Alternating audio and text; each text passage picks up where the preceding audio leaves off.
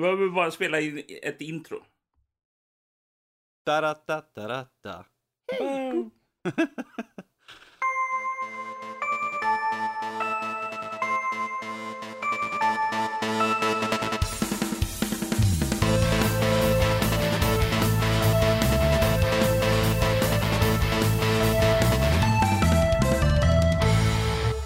Hallå och välkommen till Nördliv, en podcast om spel och nörderi av alla de slag. Dagens datum är 2018 08 31 och detta är avsnitt nummer 177. Kan jag läsa, låta som jag läser mer ifrån ett manus än vad jag redan gör för någonting just nu?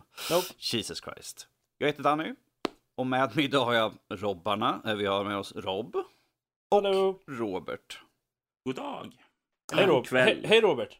Hej, hej Robert. Trevligt att tala med dig Robert. Ja, det är trevligt med att tala med dig också Robert. Åh gud. Det är bra när vi har två Robert här. Så vi kan utmanövrera den här Danny som inte har fått fel namn här också. Ja, precis. Jag tycker det är jätteenkelt för att liksom bara, vad anser du, Robert? Så, ska vi slåss om att fråga då? Slåss eller? jag var först, jag var först, jag var först. Låt mig få prata. Min åsikt är bättre än din åsikt. Kan det vara liksom, det kommer, det kommer bli den här, är en äldre Robert. Ja, men jag är en bättre Robert.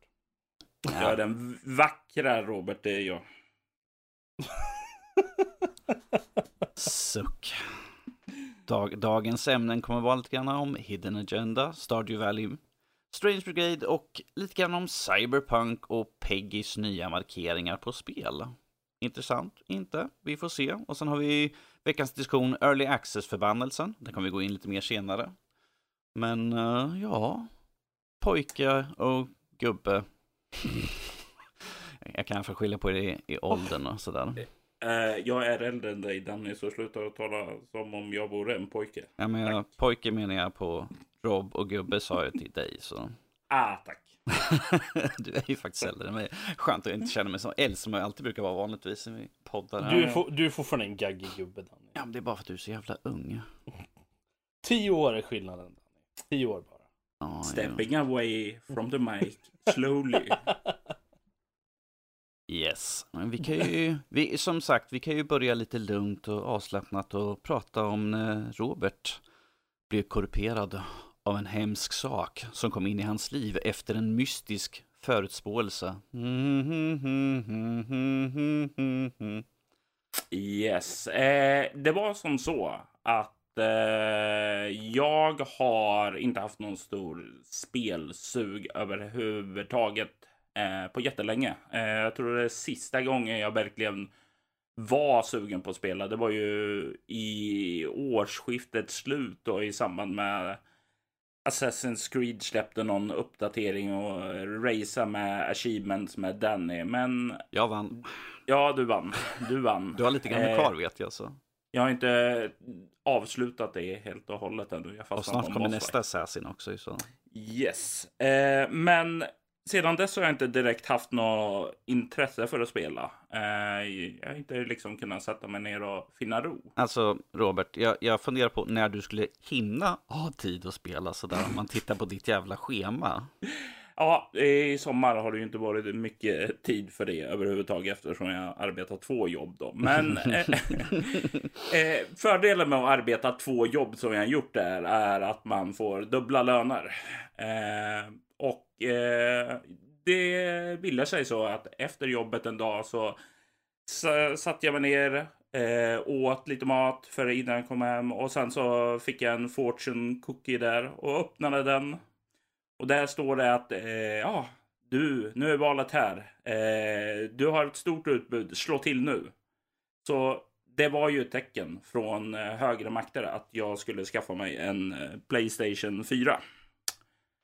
Så sagt och gjort. Jag gick iväg och köpte en eftersom jag hade, jag hade tänkt. Jag vill ta tag i backloggen som finns på Playstation 4 som Detroit Human och allra främst då eh, Until Dawn. Mm. Eh, men eh, sen finns det ju massa andra också som eh, ja, Horizon Zero Dawn eh, och eh, nya God of War verkar också väldigt, väldigt spännande. Om du, frågar, vi- om du frågar Fredrik så är det extremt väldigt bra. Eh, jo, jag har fått en lång jävla utläggning om hela spelets handling. Det är på en nivå som en ja, eh, akademisk diskurs eh, av spelet där. Så eh, jag är rätt sugen på, på det också. Eh, men eh, jag kände att okej, okay, men då kanske jag kan göra som så. Jag har relativt gott ställt nu så jag kan passa på att göra ett impulsinköp av en PS4. Notera att det är bara du som kallar det för ett impulsköp av en PS4 sådär. en, en, en, annan tänker så här, liksom, ifall jag börjar spara nu så kanske nästa år kan jag köpa en. Ja, eh, jag, eh, jag sitter ju i en situation nu att jag inte ändå haft tid att spela särskilt mycket eftersom eh, ja, jag har ju fortfarande, eh, fortfarande jobbat två jobb då, men jag eh, har börjat att spela ett spel mm. som heter Hidden Agenda. Och Hidden Agenda, eh, ja, man skulle kunna säga att eh, det är samma det är samma stil som Until Dawn då, kanske främst då för att eh, det är skapat av samma personer som eh, gjorde Until Dawn. Mm, Supermassive Games. Ja, vad bra att du sa det, mm. Eh, för det kunde inte jag i huvudet. Ehm, det, jag, jag, skulle vilja beskriva det här spelet som ett mörkt cinematiskt kriminaldrama om en seriemördaren eh, trapper som gripits, dömts till döden. Men är det verkligen rätt person som man har fångat? Och jag nu, eh, vad heter det, satt mig med det, började spela och jag direkt sjunker in i det. På det här mysiga sättet där som man verkligen kan gotta ned sig i när man verkligen känner att jag vill hem och spela, jag vill hem och spela. eh, jag vill egentligen inte podda här och nu, eh, för jag vill sätta mig och spela. Men... Du får vänta i alla fall 20 minuter till. 20 minuter, check. eh,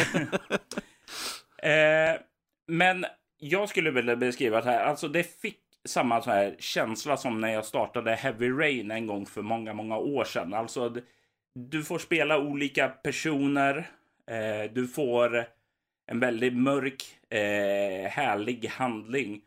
Och det är inte några starka sådana här gameplay-element, utan det är ganska enkla sådana. Det, det som står i fokus här är personerna och eh, storyn. Eh, och den här känslan när man själv sitter där och försöker lyssna. Vad är det? Vad är det som händer där? Är den här personen vad, vad har den här för agenda egentligen? Vad, vad tänker på den här? Alltså man sitter där och kliar och funderar och man dras verkligen in i spelet. Mm. Eh, och jag får väl erkänna att eh, det, det är en rätt vackert spel tycker jag också. Det är tilltalande estetiskt för mig också. Det känns... Ja, jag vill ju egentligen säga fotorealistiskt, men det är ju ett så utslitet term. Så jag undviker att säga det direkt ut. Men nu har jag redan alluderat till det så ni förstår vad jag menar. Mm. Men det är, det är också väldigt mycket alla David Cage eller Quantum Dream.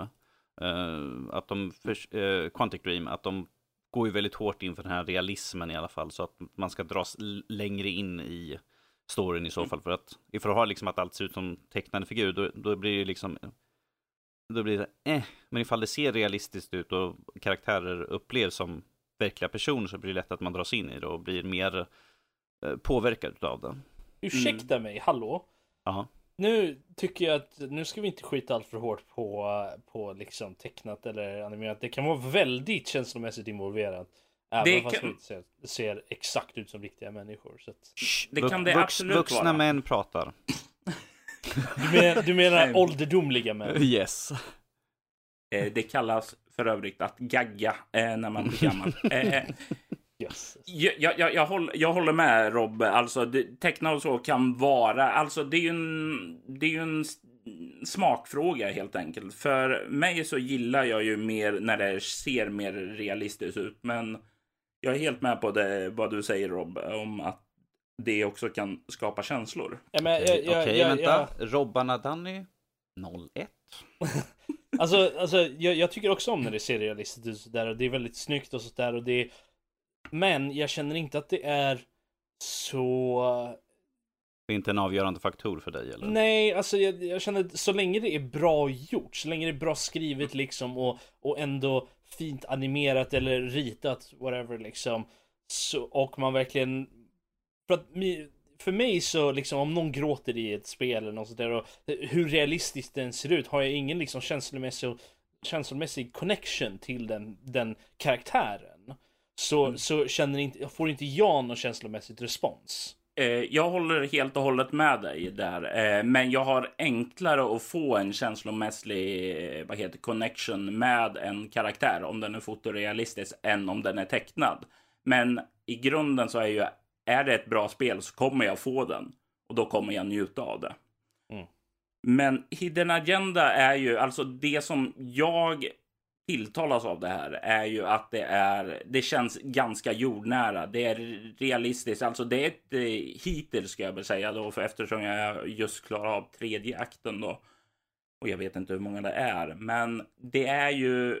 Det är ju inga övernaturligheter, det är ingenting eh, mystiskt eller så, utan det är ett skitigt jordnära kriminaldrama. Och det på sistone är ju liksom det som är mer rotat i det vardagliga är väldigt mycket mer tilltalande för mig än eh, vad heter det, det här ja, stora episka fantasyäventyr eller shooters i rymden eller sådant. Mm. Så det här är ju ett spel som helt och hållet har tilltalat mig. Och det har ju dessutom en väldigt, väldigt intressant feature som inte jag ens har testat på. Men det är ju ett, ett typ, ja vad ska jag säga, ett, ett ultimat soft co-op-spel. För du spelar inte det här med kontroll. Utan du får ladda ner en app på din telefon. Och sedan så ansluter du din telefon till spelet. Men det är, vad heter det, inte bara du som kan göra det, utan sitter ni tre stycken i soffan så kan de andra också göra det. Oh, det är det där spelet. Och mm. med det, på det sättet så går det här co-op åt skogen för det blir mer en kamp om vem som kan jävlas mest. Eh, det, men det är inte, alltså, det har ju, vad heter den, eh, vissa scener där du ska leta ledtrådar. Mm. Som det kan vara lite svårt att hinna och söka av hela skärmen eh, om du bara en. Men när du är tre eh, till exempel, ja men då kan ni dela upp skärmen. Ja men du tar eh, vänstra delen, jag tar högra och du tar mitten. Alltså, och då blir det ju, man kan effektivisera sökandet där. Mm. Och sen blir det ju vissa, vad heter det, valmöjligheter och sådant. Och spelet, vad jag sett då, har så här, du kan inte göra en tiebreaker utan ni måste göra ett val där.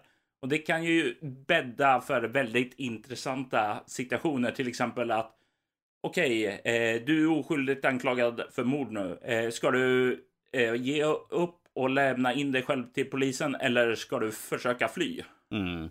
Eh, och det blir ju så där att man, ja men ja, det är ju självklart att vi ska fly. Vadå fly? Vi ska lämna in oss och ja, rentvå oss. Och det kan vara en ganska, det kan ju skapa sådana här härliga bråk som man minns från barndomen när man spelade i soffan tillsammans. Men så du kan inte, du kan inte ha en tie, du kan inte ha liksom ett jämnt antal. Men om man är tre stycken, säg, kan det, är det majority rules då? Eller är det... Ja, det är som sagt, jag har inte testat det, men jag tror det är majority rules. Okay. Eh, så du måste inte komma överens, eh, men... Du behöver bara ha flest människor på din sida. Ja, precis. Eh, vilket eh, skulle sluta med om jag skulle spela med folk i soffan så skulle jag aldrig få min vilja igenom för jag är alltid tvärs emot alla andra. Eh. Jag, jag, skulle bara stage-diva över soffan och liksom ta deras telefon och sen trycka på det valet jag, jag vill jag, ha. Jag känner bara som, som människor som, som, skulle göra tvärs emot vad jag gör bara för att jag gör de rationella liksom sakerna medan de vill bara ha let's fuck things up. Typ. Ja, eh, jag, jag, känner eh, du och jag har ungefär liknande kompisar då med andra eh, Och eh, om vi säger som så, för att summera hela det här min Playstone, Playstone, jag ser det här, Playstation menar jag förstås. Playstone, eh, det nya, det är det nya de ska tillverka nu. Precis, eh, du får en sten att kolla på och trycka Yay. på så kanske det händer något.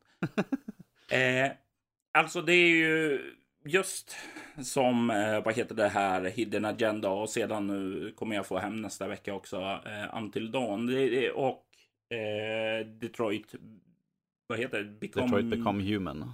Yes.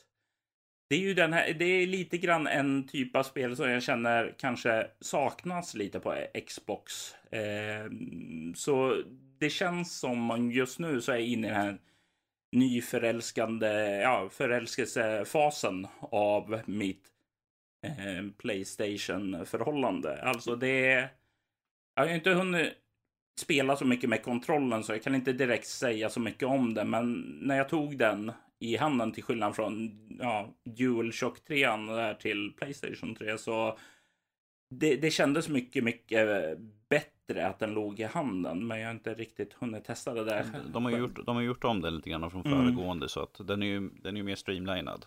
Playstation 3 kontroll, eller Playstation 4 kontrollen är skönare än vad treans är och mm. tvåan sådär. Men uh, jag, måste, jag måste säga, ha, eh, nu när jag har faktiskt spenderat mycket tid uh, tillräckligt mycket tid spelandes med både Xbox One och uh, Playstation 4 så måste jag säga återigen att, att det är Xbox som vinner med, ja. med handkontroll faktiskt. Ja, nej men det håller, jag håller med också eh, på den punkten. Alltså den känns ju betydligt mycket skönare och det är ju min default-kontroll också. Eh, och jag tycker ju också, när, även om de har förbättrat kontrollen där så har de ju även förbättra kontrollinterfacet som dyker upp när man ska bläddra mellan alla program och sådant.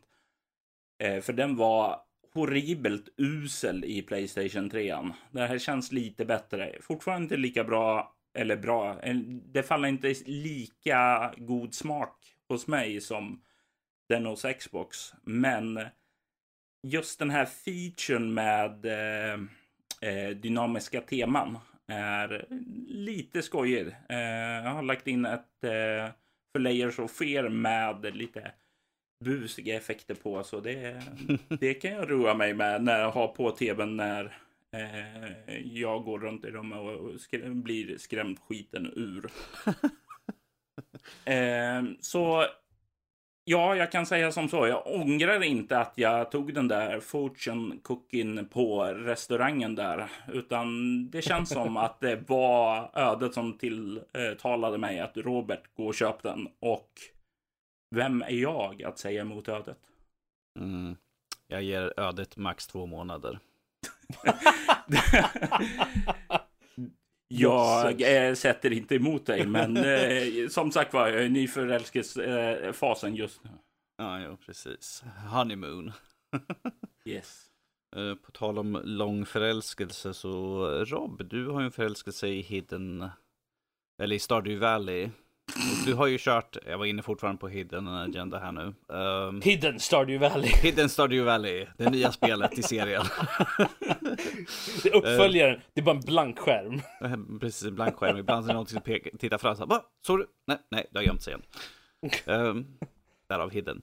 Um, du har ju lekt lite grann vidare på Stardew Valley här nu och nu har du ju faktiskt lagt ner några timmar på multiplayer. Du pratade ju om det sist Uh, det var ett tag sedan ja, men uh, då hade jag bara kört en, ungefär en halvtimme eller så av det och uh, hade inte riktigt fullt ut. Nu så har jag faktiskt kört dels med en annan person en väldigt längre period eftersom jag faktiskt har streamat um, också. Uh, jag, jag, har sett, jag har sett pop-upen som kommer höger och vänster. Så yes, de kommer, de kommer poppa ut på YouTube också här under veckan. Som kommer. Mm. Så att, jag, hittade, jag listade ut hur jag kunde föra över dem till Youtube. Så det var nice. Men, um, men jag har också kört privat så har jag kört med tre andra personer. Så det är fullt ut.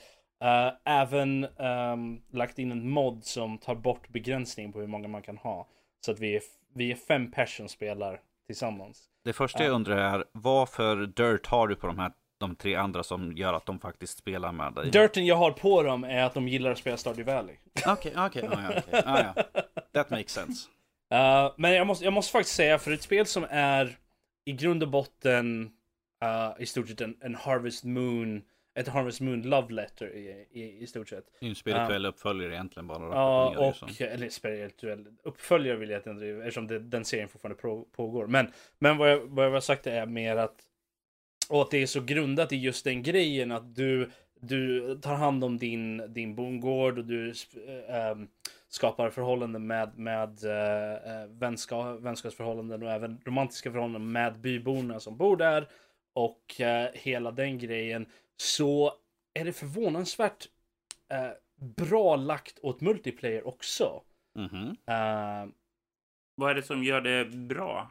Det är att du, för att du får en sån, um, en samarbetsvilja eh, uh, på något sätt. Det är väldigt, det är, för att du behöver egentligen inte uh, skapa några speciellt djupa förhållanden med byborna. Um, utöver de quest, små quests som du får där du kanske måste ha en viss uh, heart level med vissa um, bybor och så. Men, uh, men du kan i stort sett spendera större delen av tiden göra vad du vill. Du kan, du kan fiska, du kan uh, liksom farma crops, du, du kan ta hand om djur som du köper, du kan eh, gå och mina i, i gruvan eh, och slåss mot monster. Liksom. Och multiplayer-aspekten av det kommer in så väldigt hårt för att du kan dela upp de här grejerna. Så att säga att, ja nej men jag ska fiska. Det, det är min grej. Jag går in för att fiska. Det är vad jag vill göra. Medan en annan person bara, okej, okay, ja, nej, jag, jag tar hand om gruvarbetet. Fin, um, finns det någon gungstol där jag kan sitta i spelet? Och det, du kan ha folk liksom som, som tar hand om, om äh, bondgårdsarbete och djur och sånt där. Och Uh, allt, ju mer man levlar upp sin skill i de ämnena så um, så får du, låser du upp saker och alla har liksom sina... Det bästa är ju om man är lite, inte nödvändigtvis jättespecialiserad för att det... Um, men att man kanske har ett par skills som man ger sig in för hårt. vad, är, vad är dina specialiseringar då? Eh, jag är lite allt i allo, eh, men uh, de mesta Så är... ingen alls med andra ord? Det, det mesta är grödor, djur och gruvarbete, combat. Det är de sakerna som jag... Fiske är kul, men det, det är liksom... Det, det, är inte lika roligt som de andra. Så jag har spenderat med... Um, när, vi, när vi kör alla fem så har jag... På grund av att det är jag som hostar uh, spelet. Så att det finns ingen så här servergrej som man, man tar hand om. Utan det är en person som hostar och bjuder in de andra. Och de är i stort sett så här drängar som bor, som, som bor på, din, på din gård. Uh, eh, jag, jag, vill bara göra en liten så här callback till tidigare avsnittet där du berättade att dina vänner var douchebags som gjorde allt för att eh, underminera hos dig. Eh, hur går det här ihop? Förvånansvärt eh, bra faktiskt. Eh, allt, allt har att göra med vilken typ av spel man spelar också. Ah, okay. Och det finns inte så jättemånga val, val på det sättet i det här spelet. För det är ju i, i grund och botten så är det ju mycket av, det, det ligger ju mycket åt det här idylliska liksom bondgårdslivet typ. Jag, jag, tror, jag tror att frustrationen han, Rob har just nu är att de försöker sno de tjejerna han är intresserad av. Ja det var ju det, jag var ju tvungen att certa liksom att det här är den som jag ska gå efter. Jag, Abigail är min. Uh, och, jag, jag, tror att hon kanske väljer att hon inte vill vara din. Så uh, hon, hon har faktiskt ett sinne själv. Hon, hon har ingen val. Uh, oh dear, det här blev obehagligt på flera nivåer. Bara. Så vad du säger är att Stardew Valley är en simulator för män som vill kontrollera kvinnor. Eller, eller andra män. Om man vill vara ja. sån. Um, Absolut. Nej men alltså det, allting har ju med spelmekaniken. Du kan också, du, du kan uh, gifta dig och ha barn med andra spelare. Kan du mm. också ha. Och, uh, men du, i, i, i, mitt fall, jag har ju valt att gå för efter en av de byborna som är redan. Uh, och några av de andra som jag vet har också lagt intressen på dem, på, på andra. Men hittills har vi inte haft några twister om, om vem det är. Så att, men, men jag tycker att de, de har gjort ändå ett väldigt bra jobb med multiplayer. Det har inte varit, det har varit lite lagg här och var och vi har haft ett par buggar som har dykt upp där vi är tvungna att starta om hela spelet. Men, men de har varit väldigt så här. Okej, okay, det där var en väldigt udda sak att hända. mer än snarare att liksom mitt i någonting där vi inte vet vad det var för någonting som skedde liksom. Så att mm det, det, tyvärr så är det ju bara PC. Uh, multiplayer kan bara spelas uh, mellan varandra på PC tror jag. Jag tror inte de har uh, multiplayer på, på, någon, på någon av konsolerna i mm. dagsläget. Och jag vet inte om det kommer heller. De sa någonting om att själva koden för multiplayer så där funkar inte riktigt på någonting annat. Och cross-platform är ingenting som de som är möjligt heller. vad jag har hört i alla fall. Men, men är man intresserad av, av Stardew Valley, eh, känner man att man kanske har spelat nog av det i single player och fått ut det det är väl värt att testa i multiplayer igen för att eh, kan du, kan du samla ihop även bara en, en till person så är det en helt annan upplevelse uh, än att spela helt själv. Så att, och vill man gå lite djupare in i det hela så finns det en hel drös med mods också. Som, som kan uh, berika spelet uh, till, uh, till andra gränser. och som de, många av dem fungerar även i multiplayer. Så att, vilket, vilket är väldigt det är väldigt intressant med tanke på att spelet egentligen inte har officiellt mod-support. Mm. Så att många av modsen fungerar i multiplayer i alla fall är, eh, är väldigt coolt. Det, yes. det är ju bra det. Yes. Så leta upp lite trängar, ge er ut och ragga. Utan att säga hon är min. Ner i utan, gruvan. ja precis, ner i gruvan och jaga runt lite grann. Så. Uh, ja, det var ju bra. Då, då, då, har du pratat klart om det. Nu behöver vi aldrig mer höra dig prata om uh, Hidden Stardew Valley. Hur var det nu den skulle heta? Uh, dear, oh dear, dear. Um, jag och Fredrik uh, har ju idiotspelat i helgen som var. Uh, Strange Brigade.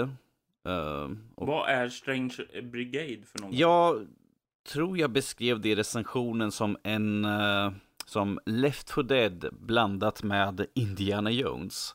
Eller i alla fall, det, det, är så jag, det är i alla fall så jag förklarar det till min bror när han undrar. Han bara, vad fan är det för något? Jag bara, ja men tänk dig Left 4 Dead, för han har spelat. Jag bara, Indiana Jones. Han bara, okej, okay, ja, ja, ja.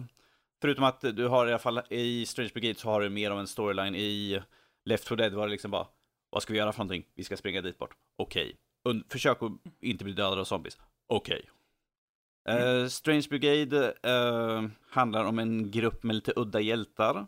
Uh, vi har en professor, en ingenjör, en skarpskydd och en Maasai-krigare tror jag hon är. Um, alla med lite olika, alla bär på en typ av en amulett som de kan använda, som de har en sån här specialattack. Eh, han som jag spelade med hade så att han sköt ut som en eh, vad ska man beskriva, som små homing missiles eh, som träffade fienden och sånt där. Um, Storyn är helt enkelt att uh, en gammal uh, egyptisk wow, drottning, häxdrottning vaknar upp. Uh, uh, Seteki, jag är så dålig på namn ibland just nu. Och, uh, Seteki, hon vaknar upp efter att ha varit bortglömd i över 4000 år och vill få tillbaka makten över hela världen. Och det är de här nu, jag säger fyra, jag vet att det ska komma ut fler karaktärer nu efter att spelet har släppts, sådär, men att det var fyra karaktärer som var, fanns när vi spelade på uh, för recension. Det var bara de som fanns tillgängliga då. Så. Um, men uh, jättestora banor uh, och som sagt, du har fyra karaktärer att välja med. Då, du har ju fler nu. Det, fanns, det är en gubbe som har släppt som är gratis nu. Men att stora kartor, massvis att utforska, massvis med saker du kan hitta. Det finns uh, kattstatyer som man ska hitta. Eh, och såklart massvis med skatter att plocka upp och massvis med fällor och massvis med pussel som man kan utforska. Um, och Mass eh, jag, jag, jag, blir så nyfiken, jag måste avbryta dig. Eh, yes. vilka, är det här eh, PC eller konsoler eller? Det här är, allihop, det här är allihopa. Jag har inte hört talas om spelet alls nämligen och du får mig lite sugen på det i alla fall. Ja, jag och Fredrik hade i alla fall jävligt kul. Vi satt och som sagt, det är ju väldigt mycket fint. För det är ju, det är ju du stöter på, det är skelett i olika variationer. Bara vanliga skelett, skelett med eh, rustning. De har liksom som olika rang. Du har ett skelett, skelett med rustning, sen skelett med rustning och typ vapen och sen har de att de har spjut och sen har vi att de står längre bort och skjuter. Och sen har vi mumier och sen har vi minotaurer. Uh, enorma jätteskorpioner som dyker upp i marken. Och såklart lite bossar och sånt. Um, och de kommer ju i stora horder och, åh oh, gud. Någonting som jag beklagar mig lite grann på är att siktet är inte den bästa i spelet sådär. Och då ändå, ska det ändå vara någon sån här auto-aim-grej som var, skulle hjälpa till med att Ja, det, var, det är så slött på att sikta i det här spelet så du, har vanlig, du kan ha typ någon hagelbuss eller någon, någon snipergevär eller något sånt där. Eller, och en handpistol. Du har två stycken vapen du går emellan och din specialattack. Och ibland när, så, när fina kom närmast den så var det lika bra att byta över till pistol. För då kunde man i alla fall skjuta lite snabbare och försöka träffa. Um... Visst, visst, det är eh, spelets eh, det är fel på för att du inte träffar. Det kan inte vara så att det är dina gubbreflexer då som inte hänger med.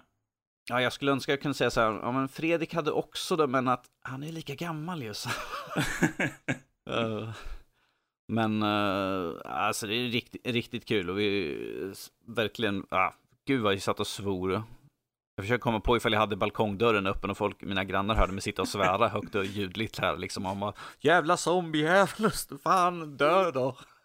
Fredrik bara, eh. han är redan död. Jag bara, shut up, döda dem. Ja, men alltså, det låter ju som ett väldigt, väldigt roligt spel att spela tillsammans med eh, vänner. Mm. Du har ju upp, du, det kan ju du och tre stycken kompisar, eller du kan ju ta och plocka in, uh, du kan ju, randoms. randoms precis, så det är ju väldigt öppet. Och uh, sen har den uh, en hård mode som man kan köra och en score attack. Mm. vilket jag har testat allihopa. Liksom. Ja, riktigt kul och jag, när jag hoppade in på en sån här score attack så kom jag typ, typ in i slutet på den. Och jag tänkte så här, när det var, var en boss där man skulle klara av och sen var det slut. Jag bara, jag bara, ja ah, vad kort det var. Sen tittade jag liksom, jag bara, jag har typ 300 poäng. De andra har 15, 20 och 30 000 poäng. Ja, hmm. Någonting du inte har gjort rätt här. Ja, precis. Jag bara, what the fuck? Jag bara, ah, okej, okay, de måste ha hållit på lite längre. Eh, man kan säga så här om man vill säga det snällt. Det, finns lite utrymme för förbättring från din Det finns sida. extremt mycket utrymme för förbättring. Där tror jag nästan till sådär. oh dear. Ja, jo. Ja, men uh, ja, nej. Lite utmanande. Eh, men ack så kul och eh, Fredrik, jag, bara för och, och se liksom vad de här samlarobjekten gav för någonting så tog vi en bana där vi gick fram och tillbaka, fram och tillbaka och tittade. Och de här kattstatyerna som man letar efter, de gör ett mjau-ljud. Så ibland när man kliver här bara mjau. Jag bara. Och Fredrik hade ju, eh, han har ju en skum koppling så, här, så att han, han hade ju inget ljud från spelet. Jag hade, vi satt här över TS och pratade då och jag hade ljud från tvn och så helt plötsligt och jag bara jag hör en katt! Och Fredrik bara, hör du en katt? Jag bara, jag hör en katt här omkring. Kommer och sprang han till det, jag stod liksom och så började vi kika runt omkring. Jag bara, jag hörde en katt, jag vet att den är här någonstans. Hur många gånger var det bara Rufus? Ja, nej, han var faktiskt väldigt tyst den här gången. Det var, var tur. Annars, annars blir det så här, hörde en katt och bara, Rufus.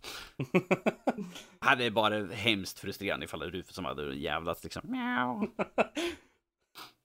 Fredrik såg honom inte bara. Så. Mm. Nej, riktigt kul tycker jag. Uh, fick uh, utmärkelse utav mig i alla fall på, mm. i min recension. Så att jag starkt rekommenderar liksom. Det är jättekul ifall man har fler att spela. Som sagt, jag har ju hoppat in med och kört med andra personer. Usch. Ja, men herregud. Det är ju inte hela världen sådär. Nej. Man har, ju samma, eh. man har ju samma mål, det är att liksom kämpa sig och ta död på alla monster och rädda världen. Jag tror du skulle säga ta död på alla andra spelare. Ja, ta kan, död man, på alla andra. Man kan ju inte ta död på andra fiender på så sätt, men det, finns en achievement att lyckas ta död på en annan. För man kan slå igång fällor och sånt och där blir man skadad utav. Så det finns en achievement för att lyckas döda sin kompis med fällor sådär. Men jag lyckades aldrig på Fredrik. Så han, dog, han, han dog så mycket själv så jag behövde inte ta död på honom. Jag har kollat på några screenshots och lite så här på, på mm. Google. Vissa av, segment, vissa av dem ser väldigt lite så här Tower Defense-aktiga ut. Nästan. Är det mm. några sådana element att du, du, kan sätta upp dina egna liksom? No, all, all, alla fällor och sånt, de är statiska i spelet. Så det okay. finns ingenting. Det är bara att du kan aktivera dem. Genom att mm. skjuta på en, uh, på typ en knapp ovanför dem så att de aktiveras. Vilket är väldigt bra ifall det är massvis med zombies eller skelett som går igenom den. Man bara, ta det din jäkel. Men, yes. uh, men, men jag måste ju då fråga, storymässigt liksom, finns mm. det, är det, är det för, för någon som jag som gillar när det finns en hel drös med lore-aktigt och sånt där. Finns det, finns det något, något sånt? som sagt, story får du... Innan, under och efter eh, banorna. Du har, det är ju inspirerat av de gamla tidigare sådana här äventyrsmatiné-filmerna från mm. tidigt 1900-tal. Så du har en announcer som pratar nästan hela tiden över. Så, så fort du hittar någonting och han bara My God, what's that? Oh, Teddy Ho, that's fabulous. Mm -hmm. Man bara, ja, okej. Okay. Han var lite irriterad, han irriterar mig lite grann ifall man typ står still en lång stund. Han bara, you know there's a pause button. Mm -hmm. Man bara, shut up, go away. Jag, jag oh. gör något annat under tiden sådär. Så, och ja, du har jag ju... Har, jag önskar att jag hade, jag hade två kopior av det här spelet. Jag, har, jag vet en perfekt person jag spelar med. Men inte din bror hoppas jag. Nej, nej, nej, nej, nej. jag har en polare. Samma, samma person som jag spelar Stardew Valley med på okay. stream. För du har ju intro, outro sekvenser och de är ju liksom så här svartvita med mm. sådana här massvis med diffust över sådär. Så, och där, du, du får en storyline, du har ju som sagt att uh, du ska jaga efter hon uh, Seteki och ta död på hennes minions allt eftersom. Och det blir ju starkare och starkare bossar och sånt där. Så att det finns en storyline som går igenom hela tiden. Uh, nog för att när jag och Fredrik satt, för som sagt jag hade bara ljud på tvn och ibland hade jag inte så hög volym för att det var sent på kvällen. Så det var liksom så jag bara, ja ja, det är säkert jätteviktigt tyckte jag. Så, men jag har ju lyssnat igenom på dem efteråt. Så jag bara, ah, okej, okay, men vi har ju faktiskt en bra storyline i alla fall. Okay, som sagt, till, till skillnad från Left 4 Dead, det var liksom så här, spring. That's it. Ja, ja nej, men det låter ju bra. Det låter intressant. Det låter som någonting jag kanske faktiskt skulle vilja spela. Ja, jo det, det, ja, jag kan starkt rekommendera det. Så. Men om, om vi skuttar vidare lite grann eh, sådär. Vi kan ju prata lite grann om eh, Cyberpunk. För jag vet att du Robert hade lite åsikter om det. Ja, det har ju börjat komma lite mer eh, nu om Cyberpunk. Eh, och det är ju det här efterlängtade spelet från CD Projekt Red som gjorde The Witcher. Ja, jag måste fundera. När utannonserade? Det är väl 5-6 år sedan de utannonserade oh. spelet känns det som.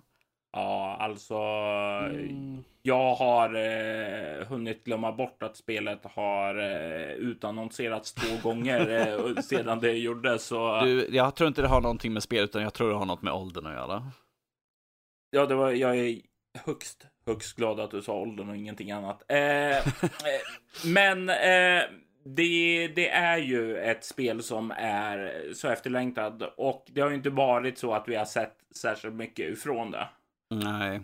Eh, och så kom det och sen så blev det ju en skitstorm direkt för eh, ja, det finns ju flera olika läger här, men jag tillhör ju lägret på som tycker att det är rätt tråkigt när man använder rätt så unkna sexistiska troper för att marknadsföra spelet. Um, och det, det, det blev ju rätt så... Ja, det blev lite så här, eh, vad ska man säga, som om du dricker någonting och så får du en äcklig bismak som sitter i munnen. Mm. Eh, och det, det är ju lite synd, för det här är spelet som jag har sett fram emot väldigt, väldigt länge. Eh, sedan så såg jag någonting annat som fick mig jätteglad och så glömde jag bort allt det hemska. Eh, för en sak som jag eh, verkligen stört mig på det fantastiska Witcher eh, 3 då eh, mm. var ju att du spelar den här sunkiga jävla Geralt. Ehm, som du snart som... kan få se som tv-serie. Oh, I don't wanna. Mm.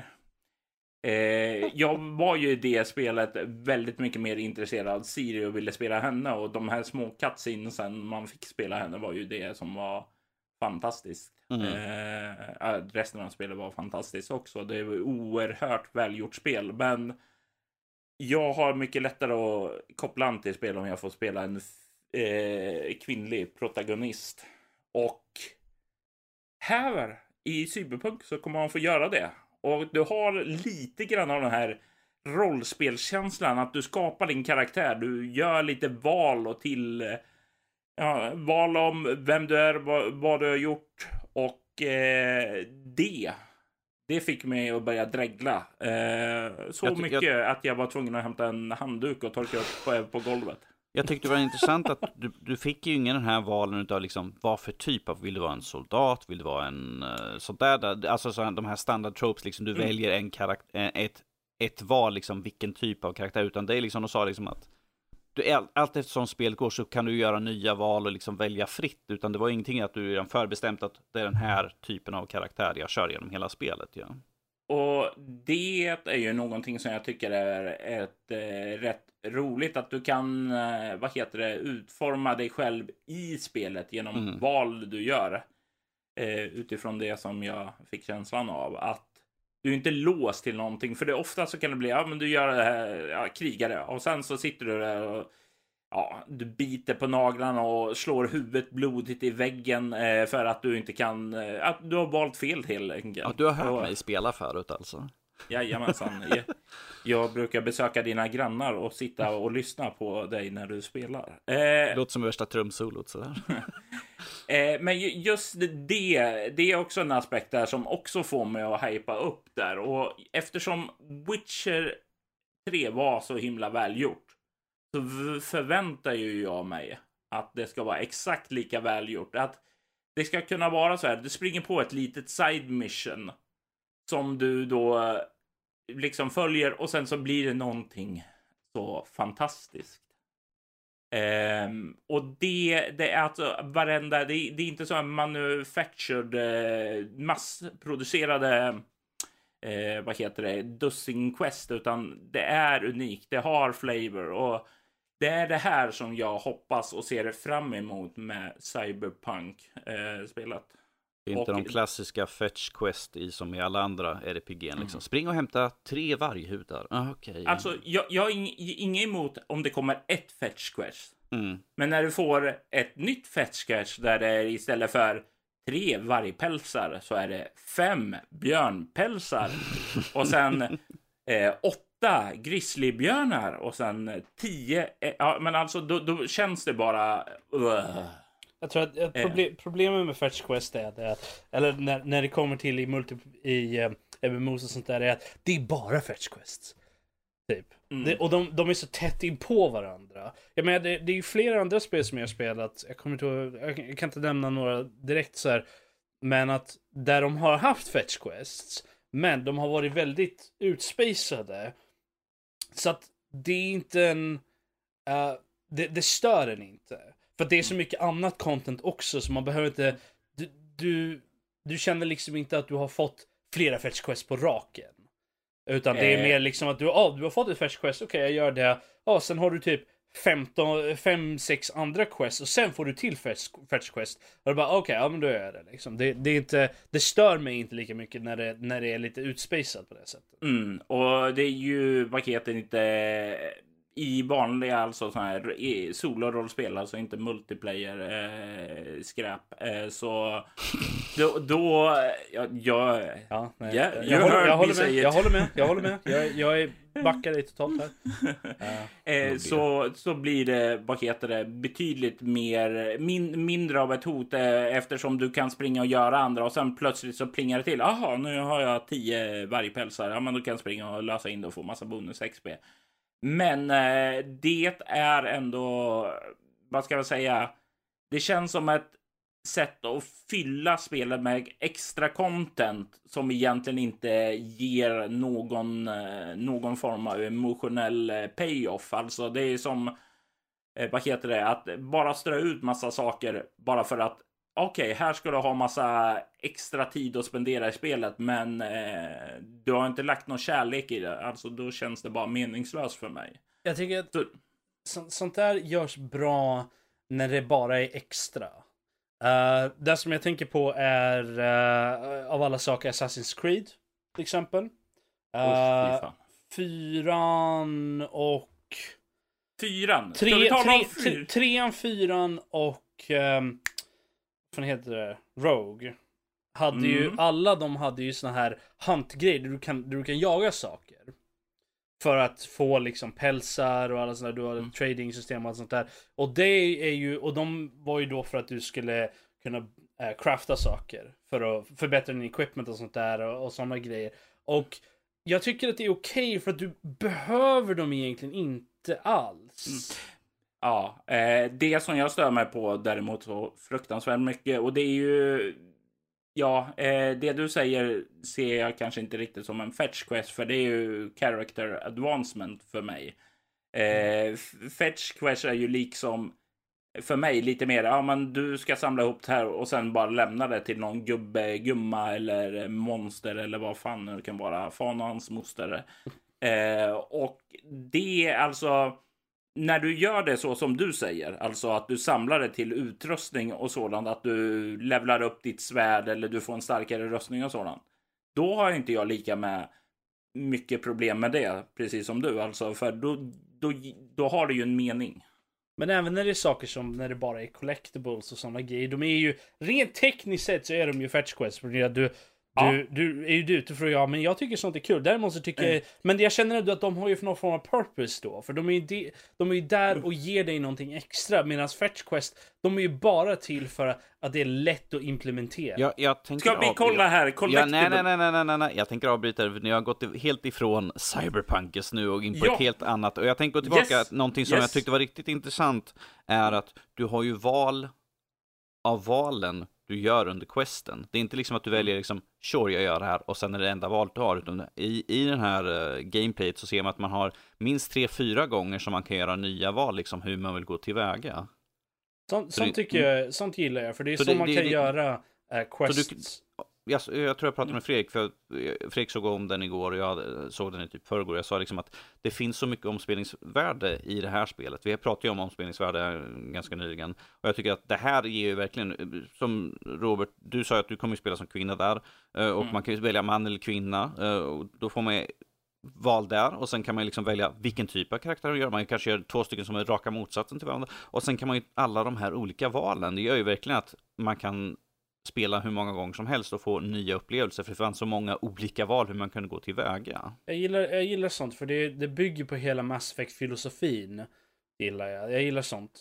Där, där, där hade du ju liknande också. Du fick ju välja liksom vad du ville ha, men du fick också välja bakgrund för din karaktär. Och det påverkade ju ändå storyn lite smått. Så här. Och, och vilka quests man fick och, och, vad man kunde göra. Och även där i, i och Mass Effect var ju så känt för just den grejen att du har en hel deras val som du kan göra. Um, jag är alltid väldigt intresserad när spel har den form av valmöjligheten.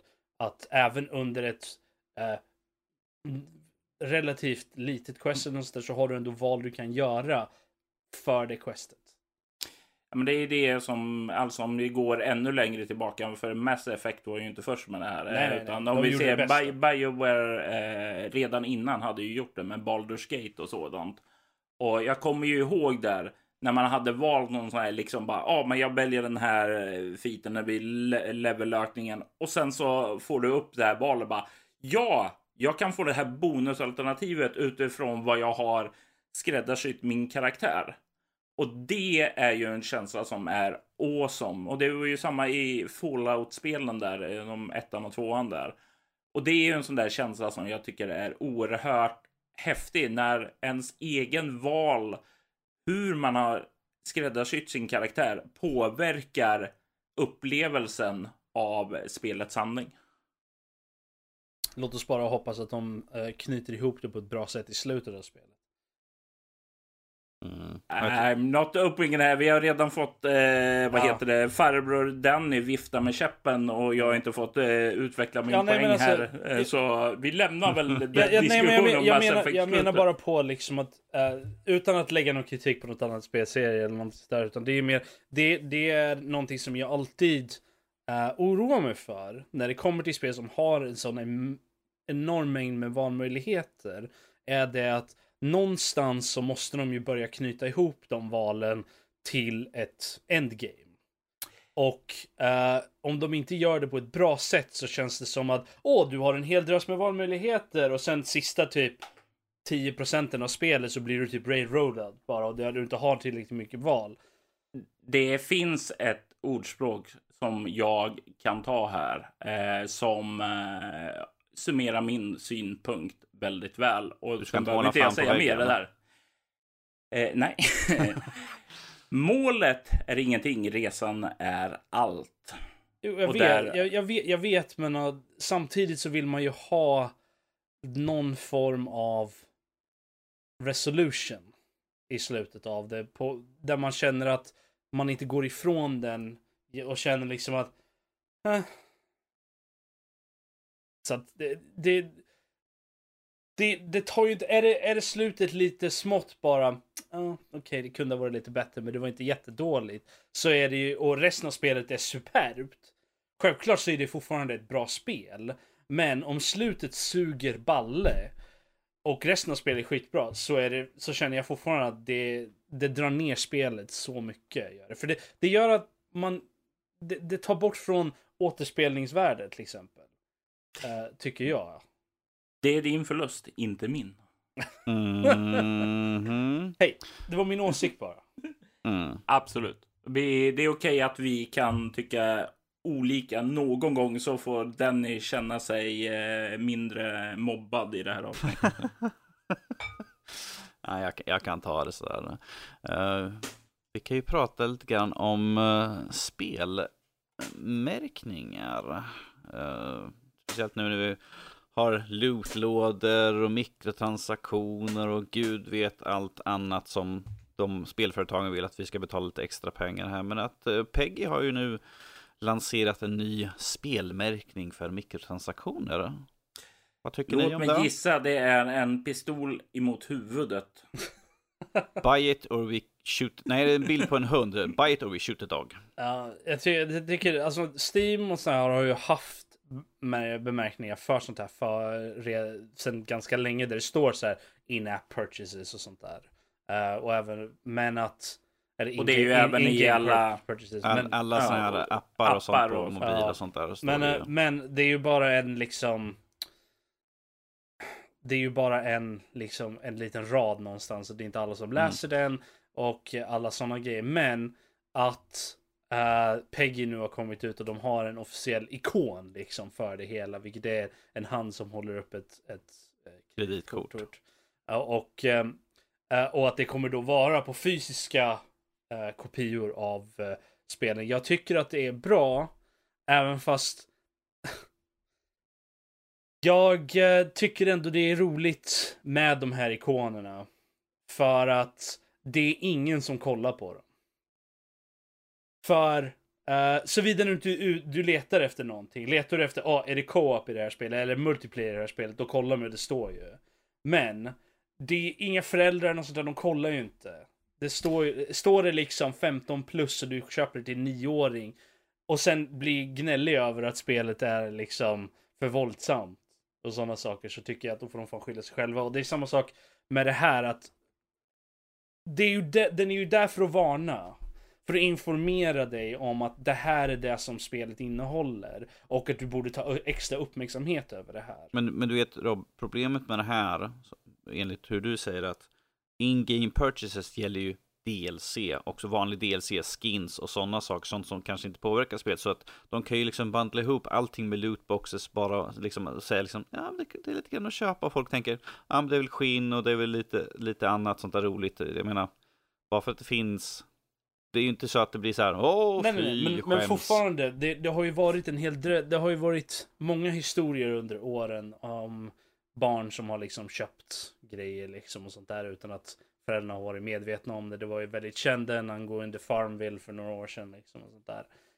Um, och mm. det var ju någon annan här bara typ förra året eller någonting. Också spenderat omöjligt mycket pengar som av föräldrarnas pengar liksom. Och jag tror att för det faller inte, jag tycker att det faller ju lite av på företag och allt sånt där för att varna att det här är det som inkluderas i spelet. Men det faller ju också på föräldrar och spelare i sig att faktiskt hålla koll på vad de gör för någonting i spelet. Um, och jag tror att, alltså. Du kan ju bara ta så pass många steg innan du går, går hem till folk och liksom faktiskt håller en pistol till huvudet mot dem. Gör inte sådär.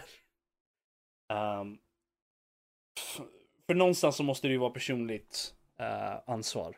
Ja, jo, precis. Och, och det, är det, som är, för, det är det som är problemet. Och i, i, som sagt, föräldrar är ju det slutgiltiga ansvaret där ju. Ja, men, men, men det viktiga är ju ändå, så som jag ser det, att det finns en symbol. Finns det mm. klart mm. och tydligt så har föräldrarna ändå möjligheten att kolla. Alltså, den finns ju där för att eh, ge informationen till föräldrarna. Mm. Sen om föräldrarna är, ja, inte jag var på väg att säga dumma i huvudet, men det är ju inte riktigt så. Det, det kan vara helt enkelt många föräldrar jag har inte riktigt informationen om vad spelen är idag, utan de tänker väl att ja, men det är ju något för barn och liksom inte tänker mer på det. Men då har det ju med okunskap att göra. Mm. Men eh, vad heter det? Jag vet ju från tiden när Game eh, existerade här i, innan den gick i konkurs. Så var mm. de ju väldigt duktiga på att informera föräldrarna om det här Peggy och visa ja, men det här, de här betyder så det kan ni kolla när ni köper spel framöver. Mm. Nu tror inte jag GameStop-personalen i Örebro gör det. Det har jag inte fått intrycket av. Men eh, det, det, det finns ändå där att kolla och får föräldrarna veta vad det är. Ja, men då har de verktyg i framtiden i alla fall. Så jag tycker ändå att det är en bra idé. Ja. Även om jag tror att många inte kommer att använda det. Problemet, alltså jag, mitt, det som jag ser som är det stora problemet är det att även om de är informerade så tror jag så är det väldigt ofta att det är lättare att skylla ifrån sig på företag och, och, uh, och spelutvecklare och allt sånt där istället för att ta ett personligt ansvar. Att hej, jag kanske borde ha kollat efter lite bättre vad mitt barn faktiskt håller på med. Uh, Absolut. Så att det, för att eh, är det så att de inte tar ansvaret för det hela så lämnar de ju bara. Det, det, det är lite av det där, ja men vi, vi låter liksom tvn uppfostra våra barn liksom. Som var en så stor grej för när, när ni var små, antar jag. Um... ja, vi, var ute och rullade stenar ner för berg och jagade dinosaurier. Ja, men alltså, det, och det, vi har ju hamnat på en helt annan nivå med det nu, med, med tv-spel och allt sånt där. Och jag, menar, jag, jag kommer alltid advokera för att tv-spel är en positiv sak. Men, som med så mycket annat så är för mycket är liksom, kan vara skadligt. Och speciellt om man, om man inte har någon form av uh, begränsning. Har man, inte, har man ingen personlig begränsning så behöver man ju att någon annan går in och begränsar den i så fall. Jag ska ringa och prata med din mamma. Eh, jag vill ändå ta tillfället i akt och säga att vi här i Nördlivspodd, vi har ju som säkerligen några föräldrar och eh, de vill vi understryka inte dumma i huvudet, för ni har ju förstås koll på det här redan.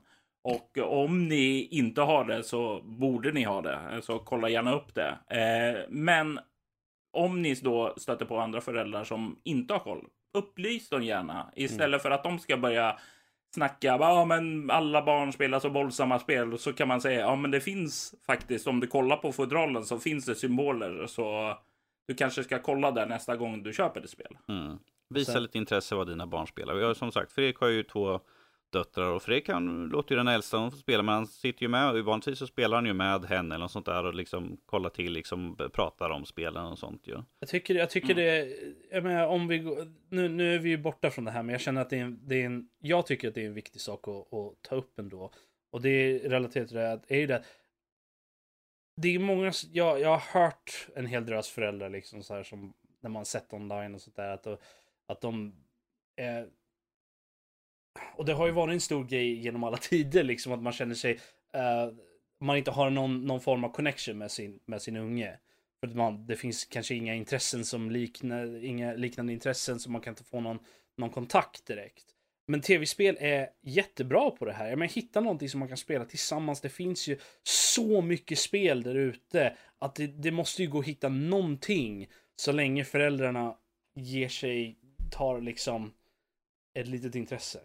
Och jag tycker att det, det är en så bra, tv-spel kan vara ett så bra verktyg för att få det. Det finns ju, det finns ju en hel drös med så här kändishistorier ute där om, om liksom som har, där de har tagit liksom, ja vi, vi spelar, jag, ska spela, jag spelar med min unge liksom. Så här, vi, vi spelar lite tv-spel tillsammans, vad det än är, om det är Call of Duty eller fucking Stardew Valley liksom. Det spelar ingen roll så länge man gör det tillsammans.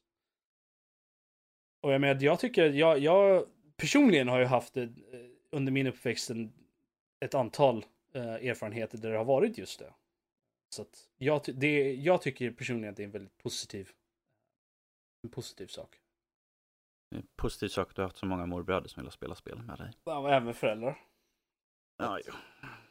Yes vi kan ju runda av lite med e-sport. Eh, jag vet att du inte tog upp att vi skulle ta den här eh, med i dagens avsnitt. Men jag vill i alla fall ta upp det här, liksom, bara säga liksom. Att, eh, under veckan så hade vi en, en hemsk gärning som hände i Jacksonville, Florida. En, en dödsskjutning på en e-sportarena där. På EA's Madden-tävling där. Tre stycken ihjälskjutna. En var då gärningsmannen. Det, det här är ju så tråkigt när sånt här händer. Uh, och uh, just nu så är det ingen som riktigt vet vad, vad som hände. Uh, eh, de, de gissade till att det var en 24-åring där som sköt ju. Jag har, jag har inte sett någonting att de har bekräftat det och av vilken anledning. Så, men att det är så tråkigt att sånt här händer liksom och jag vet ju att det finns en stämning nu mot EA och arrangör, de som har arenan där för att de, har, de anser att de har haft för dålig koll och uh, genomsökning. Um, det, det, gjorde ju direkt att eh, de stängde igen arrangemanget och eh, mm. gjorde någon så här official statement om de skulle eh, genast gå igenom. Alltså, vi stänger ner innan vi kan gå igenom och uppdatera och se om det är någonting som vi kan göra för att eh, skapa säkrare mm. evenemang. Men jag tycker ju inte, alltså jag tycker det är fel att börja gå och stämma i det här läget innan vi A. vet exakt vad som händer och B. Alltså vill vi ha event där det ska stå kravallpoliser med beväpnade vapen och stå och vakta för att komma in. Alltså ja, men... innan vi får en utredning på det där så jag tycker det börjar springa och vifta med stämningar. Det är... Ty tydligen så, så var det, är det flera e-sports uh jag vet inte, spelare, är det rätt ord? Uh, de, de som e-sportare. Ja, e-sportare, där har du uh, De som faktiskt är, uh, deltar i evenemanget. Mm. liksom, att de har ju, det är flera som har gått ut och sagt liksom att de har ju, de har ju alltså bett om bättre säkerhet liksom. Och även saker som att de kan få gå in genom en annan dörr än vad resten av publiken liksom. Så att de har en egen liksom utgång istället för att de ska behöva gå igenom publiken och, och liksom uh, vara osäker på det sättet. Liksom. Och det, jag, det... Jag, känner, jag känner att det, det, är legitima saker som borde vara med och att det borde vara lite mm. mer eh, lite mer, lite tajtare säkerhet. Kanske ha lite mer koll på vilka som kommer och går liksom. Så det, de är Absolut, stora jag tycker det är jätterimligt men... att man har det också. Alltså, ja, det är ju inte det, men att det liksom stämningen är fel väg jo, att gå tycker jag. Jo. Nej, nej, men jag, mm. jag håller med om det. Jag, säger, jag vill bara få det sagt liksom att det är folk som har kommit ut i kritik för det här. Just att det behövs bättre och att det är folk som har sagt att det behövs bättre, mm. men att inget har gjort åt det. Så vi får hoppas att mm. Eh, om, om ingenting annat kommer ut av det här positivt, så att, att det blir bättre säkerhet i framtiden på andra arrangemang så så är det någonting gott som har kommit ut av den här hemska mm. saken. Om vi säger så här att på PAX East och de här andra PAX i USA så har de ju nu förbjudit att cosplay ska få ha någon typ av vapen ju, mer eller mindre. För att det var ju någon som tänkte skjuta han, uh, en av Power Rangers, uh, en som spelar Power Rangers. Uh, och han hade ju tagit sig in och hade liksom med sig ett vapen så, och han var utklädd här för mig också. Så att de har ju tagit bort det. Så att, och efter det så har de infört att man får inte ha sånt och de har ju genomsökningar av folk som kommer in av väskor och sånt där. Men att det slutar väl att det blir som en, en del skolor som har i USA där de har liksom sån här uh, metalldetektor och liksom det är frisking på varenda en som går in. Det, det är den utvecklingen som jag tycker inte vi behöver. Alltså, Nej. Det är ju tråkigt att det går åt det hållet. Problemet är ju att det finns ju inga riktigt bra svar heller alltid mm. heller. Och ja, direkt när det här hade hänt så såg jag massvis som sa Åh, spel de är så jävla våldsamma. Det här är... Och då, då, det, min första respons var den här, jag bara De spelar Madden. Det är fotbollsspel. Hur kan de säga? Det, var, det, det, är inget, det, är inget FPS eller något sånt där, utan det är liksom ett, ett sportspel. Och folk bara, Åh, de är så våldsamma de här spelen. Jag bara, varför? Ja, men, men, men sportnördarna är ju erkänt våldsamma där. Alltså. Ja, jag, jag, förstår. Jag tycker det är så roligt liksom sådana där jämförelser med att, ja men spel gör ju folk våldsamma. Även fast alla studier som har kommit ut under de senaste typ 8-9 åren har motsagt sig det helt kategoriskt liksom. Och att eh, till och med kommer ut liksom att tv-spel hjälper folk. Tv-spel är en bra sak. Men som, eh, som jag sa tidigare, för mycket av en sak liksom. Men, men mm. det, det, behövs ju jag, det finns ju så mycket ignoranta människor i världen så att det, ja.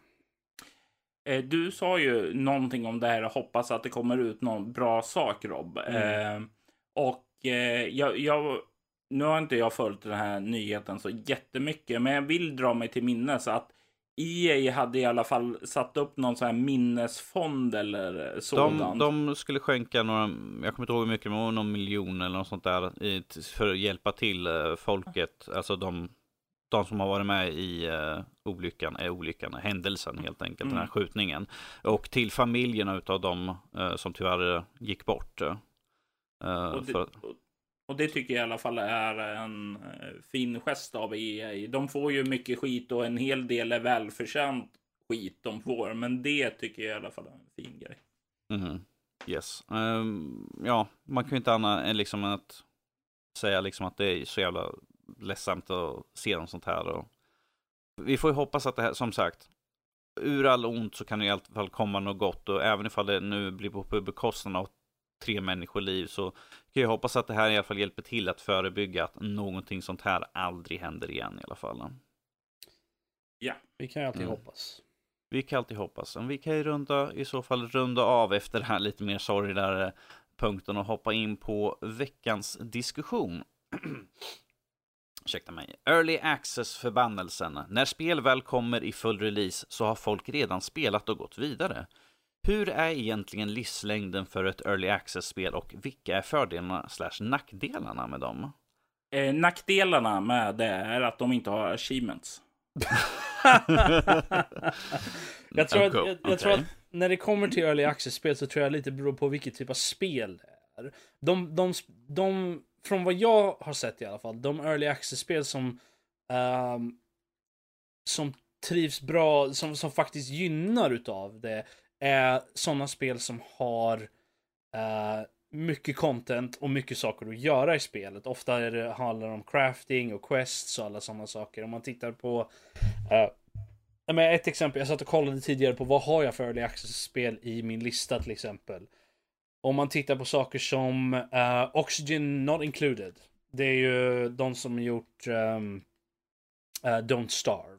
Uh, mm. Och det är ju ett um, base management building. Uh, vet inte riktigt vad jag skulle klassificera det som. Liksom du, du har lite människor som du ska kontrollera och, och bygga en bas och grejer och sådär. De har ju verkligen pumpar ju in mer mer content i det spelet ju längre in i early access de kommer. Och det är en sån här grej, det, det började med relativt bart uh, och har nu en hel drös med grejer. Jag vet inte hur nära de känner att de är release, men jag, så vitt jag förstår det som så har de faktiskt implementerat ett endgame, faktiskt ett slut på spelet, så att uh, Eh, jag, jag, känner att det gyn, har ju gynnat dem för de får ju en, en enorm mängd feedback varje gång de pushar ut en ny, um, en ny beta-uppdatering eller early access-uppdatering.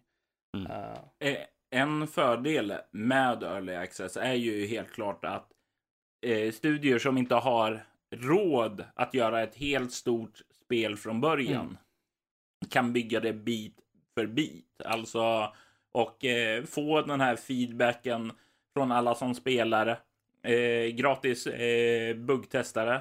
Eh, eh och, det, och det gör ju att det kan växa fram eh, spel som annars inte skulle kunna få ett starkt genomslag. Eh, jag mm. menar, det har ju var inte PubG väldigt länge också i jo. sån här? Jo. Och det, det, har ju onekligen, det skulle ju aldrig blivit så populärt om de hade fått köra till de var färdiga och sen släppa det. Mm. Men även om man tittar på spel som typ mm. Minecraft. Det var ju mm. i, i, inte i early access, men det var ju en sån här alfa och beta i evigheter också. Och så där, och de hade ju, där, där hade de ju också liksom gratis, uh, gratis buggtestare och allt sånt där. Så det är någonting, men om man tittar på spel som har lite mer, uh, som inte är lika simplistiska, Uh, som Seven Days to Die till exempel. Um, det är ju ett ganska stort spel ändå och har en hel drös grejer i sig. Men uh, och det, det ger sig väldigt starkt in på den punkten att du väntar ju alltid på nästa uppdatering också. Och mm jag skulle nog påstå att det är lite av en, en nackdel ändå. För folk som, när du har ett färdigt spel och du släpper det färdiga spelet. Så ja, det är klart att folk kan vänta sig lite DLC, kanske en expansion om det speltypen gynnar det eller, eller att du får ju lite bugg upp det, liksom, du får lite patches. Och så om de hittar någonting really game breaking. Men du kan ju inte direkt förvänta dig mer content än det som spelet ger dig. Mm. Uh, men däremot i early access så kan du ju alltid förvänta dig att det kommer mer grejer. Så känner du att, ja ah, okej, okay, det här känns ju lite bare bones eller att just den här aspekten av det här spelet är inte sådär välutvecklat. Så kan man ju, så kan man ju alltid bara gå in och kolla, ja, ah, deras roadmap säger ju att det är någonting som de kommer ta hand om. Eller att man kan ju alltid tänka liksom att det, det, det är nästan... det, det blir nästan lite av den här... Um, ah, men de måste ju göra det senare då. Eftersom det är early access. Om det inte händer, det är ju en helt annan sak. Men det ger det... Jag, jag tror att man ger det lite av en pass. Uh, mm. Även om det är lite negativt på vissa ställen. Jag vet inte riktigt vad min poäng med det där var. Uh, ingen, ingen vet sådär egentligen. Eh, det, det, är ju också ett mindset skulle jag vilja säga också. Mm. För eh, ett early access-spel låter ju spelare komma med feedback. Att få känna att de är med och eh, hjälper till att utveckla spelet. Alltså, det är ju någonting som, eh, vad heter det, tilltalar en del. För mm. egen del, eh, jag kan ju säga som så att jag eh, spelar inte early access-spel. Eh, jag har inget som helst intresse, för jag vill ha den färdiga produkten med alla achievements. Det är en skitgrej egentligen, men det, det betyder någonting för mig. För om jag spelade innan och vad heter det sedan, ja då måste jag ju spela det igen och jag har alldeles för många spel för att känna att det är värt det. Så jag kan vänta istället. Men jag, jag, vill, jag, jag får ju känslan då. För mig så känns ett early access-spel att det är trasigt, det är inte klart. Eh, varför ska jag lägga ner tid på det? Det kanske är för jag är gammal, gaggig och har alldeles för lite tid eh, som Vänta. får mig check, att känna det. Check, check. Yes, ja. No. Jag, jag, tror att um, just när det kommer till early access så är det min mentalitet för det har alltid, det är lite upp och ner med det där, men för mig så är det så här, jag ser ett spel som har en intressant premiss. Möjligtvis, eller någonting som jag kanske tittar efter. Jag kanske vill ha ett, ett multiplayer-spel som har en drös med crafting uh, och lite monster och sådär som jag kan spela med vänner. Ofta så är det det som ger mig in för dem. Uh, eh, är det att de har någon form av multiplayer-aspekt som jag kan spela med mina vänner. Uh, och att de, de, den tickar lite av de boxar som jag vill ha, typ crafting och, och lite sånt. Um, lite av den där Minecraft-itchen vill man, vill man få lite scratched. Uh, och... Uh, men att det är väldigt mycket av den här, jag köper det när det är typ i early access för det är billigare oftast. Mm. Uh, yes. Och sen låter det ligga i typ ett halvår. Innan... men, men, men du Rob, du och jag har talat väldigt mycket om nu här. Eh, Denny, vad skulle du säga? Vad tycker du om early access-spel? Hur ser du? Är det positivt eller negativt? Alltså jag kan ju både se fördelar och nackdelar med det. Fördelar som ni båda har sagt liksom är att man, man kan ju få vara med, man kan få ge input på spelet, man kan ju liksom få se det växa fram och sen som sagt vara en buggtestare gratis mer eller mindre till en del saker och sånt där. Nackdelen tror jag liksom ifall det är en väldigt lång utveckling på ett spel så kanske man som sagt, som vi skriver i den här kanske man tröttnar. Man, man har fått nog liksom. Man har spelat och känner liksom att ja, ja men det var, det var kul men att jag känner att jag, jag har fått det jag ville ha utav spelet just nu. Men att man kan ju få en positiv input på den biten också. Att ifall du väl plockar upp spelet igen efter att det har släppts så kommer du märka att det är som ett helt nytt spel. Jag tror det var Ark tror jag var eh, Fredrik körde när det var i early access. Och han, då körde han ju sig mätt på det och tyckte liksom att ah, men nu, har jag, nu har jag gjort allting eh, som jag har gjort. Och nu när spelet har släppt, det är ju så, så annorlunda gentemot när han körde första gången. När han körde, ju då det liksom, det fanns ju nästan ingenting i spelet ju. Det var ju, som du sa, väldigt, väldigt tomt egentligen. Det fanns väldigt, bara basen fanns där och nu finns det ju så mycket annat där. Så att man får ju se liksom ifall man går, hoppar in i spel som Rob och liksom, det här ser jag ett intresse av att det finns de här grejerna. Sen, men sen är det liksom, ah, det är för buggigt och sånt där. Och sen hoppa tillbaka ett bra, ett bra tag senare, då kan man se liksom, ja ah, men det har hänt grejer, om oh, nu har, fungerar de här sakerna. Men det är ju mest frågan om, om tålamod och ork att vänta in liksom att de ska komma med de nya uppdateringarna och att det ska, att det ska hoppas på att det kommer de funktioner som man vill se i spelet.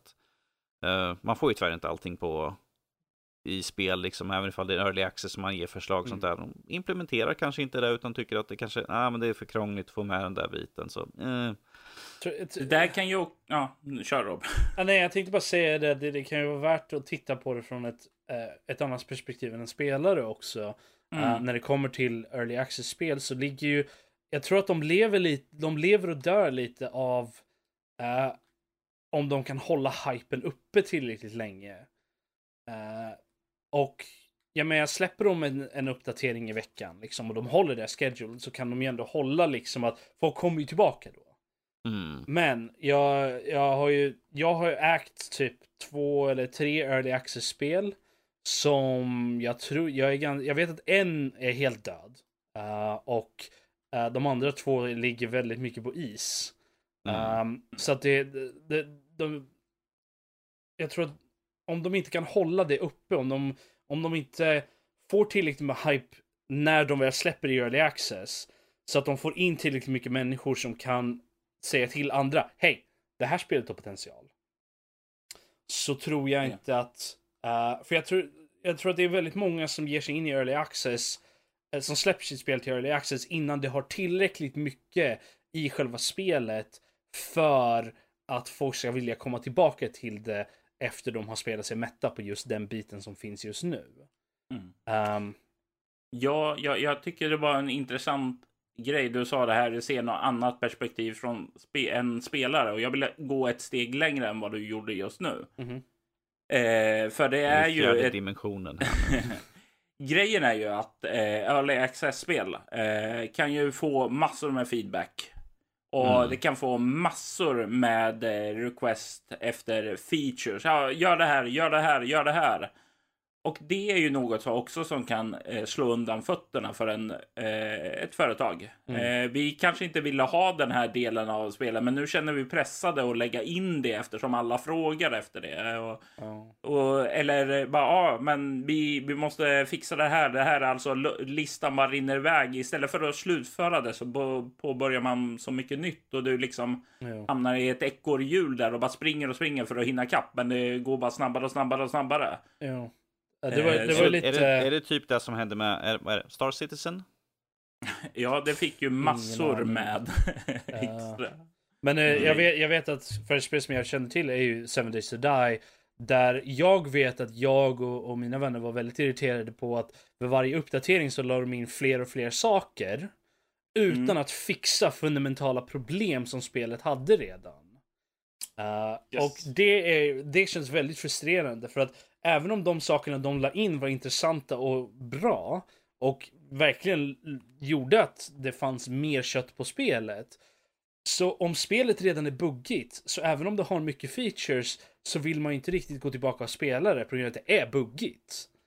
Och Absolut. jag tror att det är där som många, det är där som det kommer in lite det du säger liksom, är det att de känner sig pressade att lägga in fler och fler saker istället för att fixa det som är fundamentalt problem med spelet redan. Istället för att ja. ta sig an bugglistan så tar de sig an featurelistan istället. Och det är ju grejen säkert, de har inte ett stort team utan de har mm. en liten resurs och det, där handlar det om prioritering. Om alla säger vi vill ha mer av det här, ja men ja, okej då får vi väl fixa det och då, då lider ju det, alla de här buggarna. Alltså det finns inte resurser nog att göra allt och då blir det, kan det bli eh, prioriteringar som gör att spel faller då också. Jag tror, men jag tror också att det finns en positiv sida till det här. Absolut. Uh, och, det är absolut. Ju det, och det är ju det att om folk kommer med idéer till ditt spel som du kanske inte hade tänkt på. Och det är mm. liksom så här, du, du och, och, man, man måste ju internalisera, man måste ju tänka på det liksom. Ha, är det faktiskt någonting som spelet skulle, skulle gynna av? Och man kommer fram till att ja, det är ju det. Och det hamnar på featurelistan. Då, då, du vinner på det. Absolut. Eftersom, och speciellt om du inte tar alla idéer, utan du tar bara vissa idéer. För det visar att du har en, eh, att du faktiskt väljer de idéer som är bra.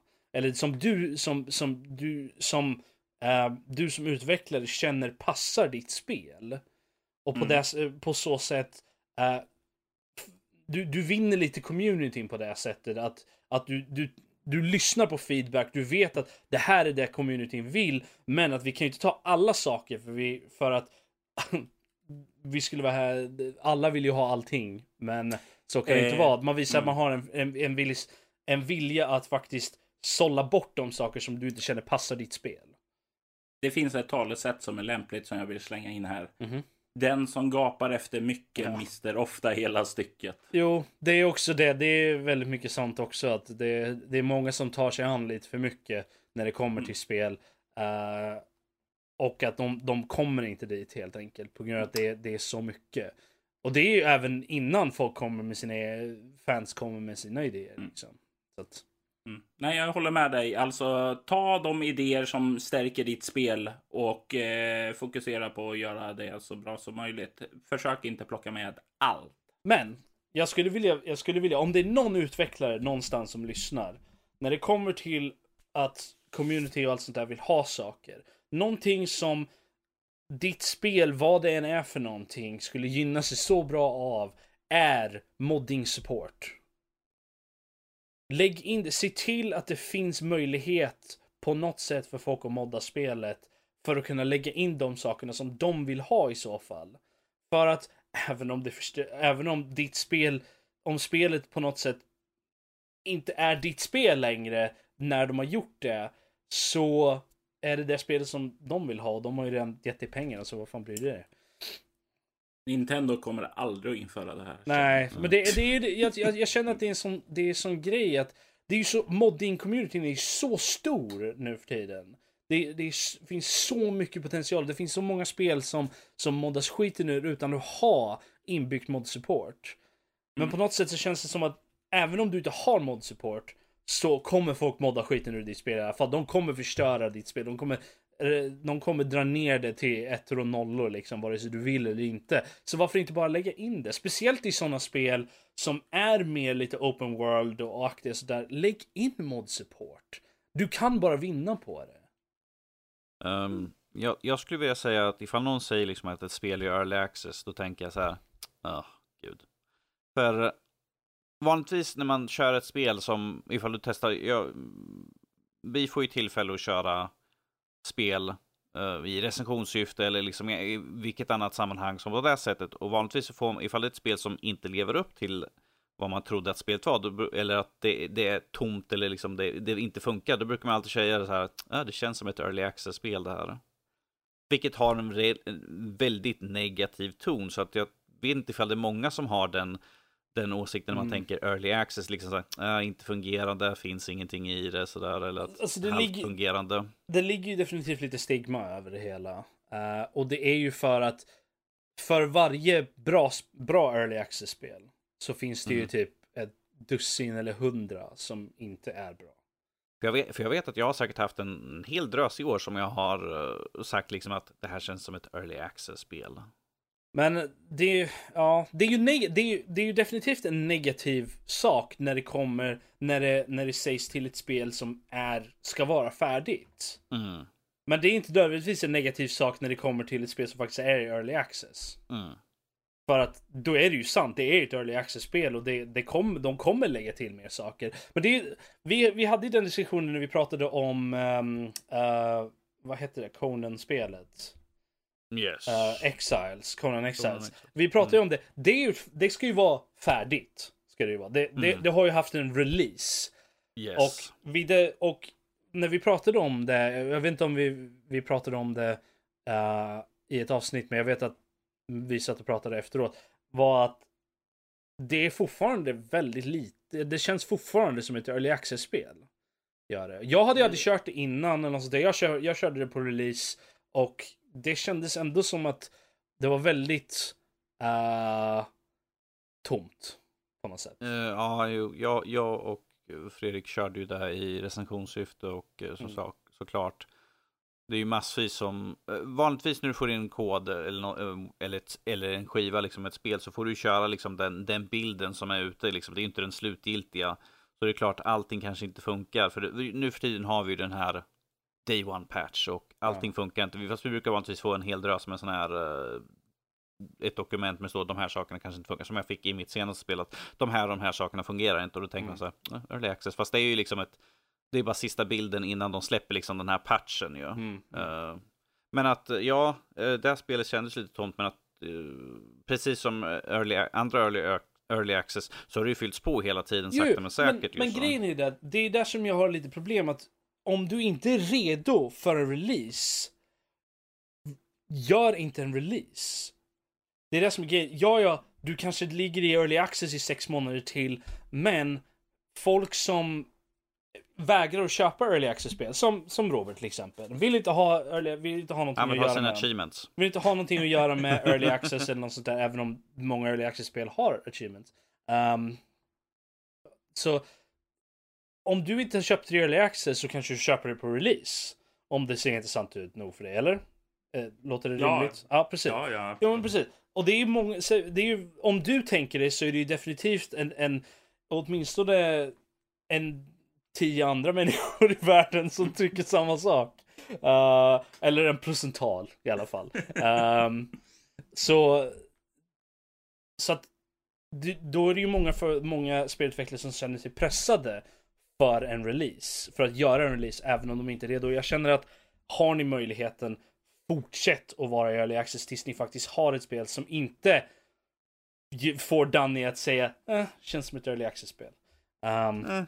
Även fast för det ska inte göra det vid release, även om det i, i, tanken är att lägga till flera saker efter release. Att fortsätta i den banan liksom och att releasen egentligen bara är formellt. Formell 1.0. Ja, som de gjorde med Minecraft till exempel. Uh, så är det många som har den åsikten som Robert att ja, är det release? Okej, okay. men då kan jag köpa det för då, är det, då ska det ju vara färdigt. I alla fall något sånär. Uh, ehm, men så jag, jag, känner att det, det, det, ger, det är lite false advertising nästan. Um, på när, när folk slänger på en 1.0 eller på en, en färdig release liksom. På ett spel som inte är färdigt. Eller inte har tillräckligt mycket för att kännas som ett färdigt spel. Mm. Men mm. ja, det är min åsikt i alla fall. Ja. ja. Vi, hade, vi hade ju frågeställningen hur lång är egentligen livslängden? Men jag tror att det, det är så vilt spritt emellan vilken typ av spel, uh, hur stor publik de har och liksom det är så, det, man kan inte säga liksom vad en, en livslängd för ett early access-spel. Det kan variera så ja, jag menar, mycket. Liksom, mellan... Seven Days to Die har ju varit i, i utveckling i typ fyra år nu eller något sånt där. Och det håller ju fortfarande, det går ju fortfarande på. Så att, eh, och det finns ju många andra som har dött inom sex månader. Eh, nu vet jag ju inte hur det är exakt om... För det var ju ett spel som hette DayZ. Yes. Mm. Har det kommit ur eh, Vet du vad? Jag, jag, har det faktiskt på Steam. Jag, jag äger skiten. Ja, ja. Um... Men är det off officiellt släppt eller är det fortfarande Jag i... vet inte. Jag ska, jag ska kolla vad det står på Steam, yes. Steam-sidan här. Som det står eh... att det fortfarande är early access. Mm. Uh... Eh, för det här var ju ett spel som fick jättestor eh, uppmärksamhet, jättemycket popularitet när det var i så här early access. Mm. Och det här är ju en jättestor eh, risk att liksom livslängden dör innan jo. det kommer fram alltså. Fortfarande i early access och kostar eh, typ 300 spänn. Och du ser ju där, alltså det var ju länge sedan någon talade om det eh, med samma passion som det var för några år sedan. Och det visar ju att ja, men om de inte fick ut det nu, då så kommer de inte få ut det nu. Nej, men jag, även, jag tycker det... även ifall de skulle få ut det skulle någon bry sig. Jag tycker det är Nej. roligt här nu när vi ändå pratar om DC här.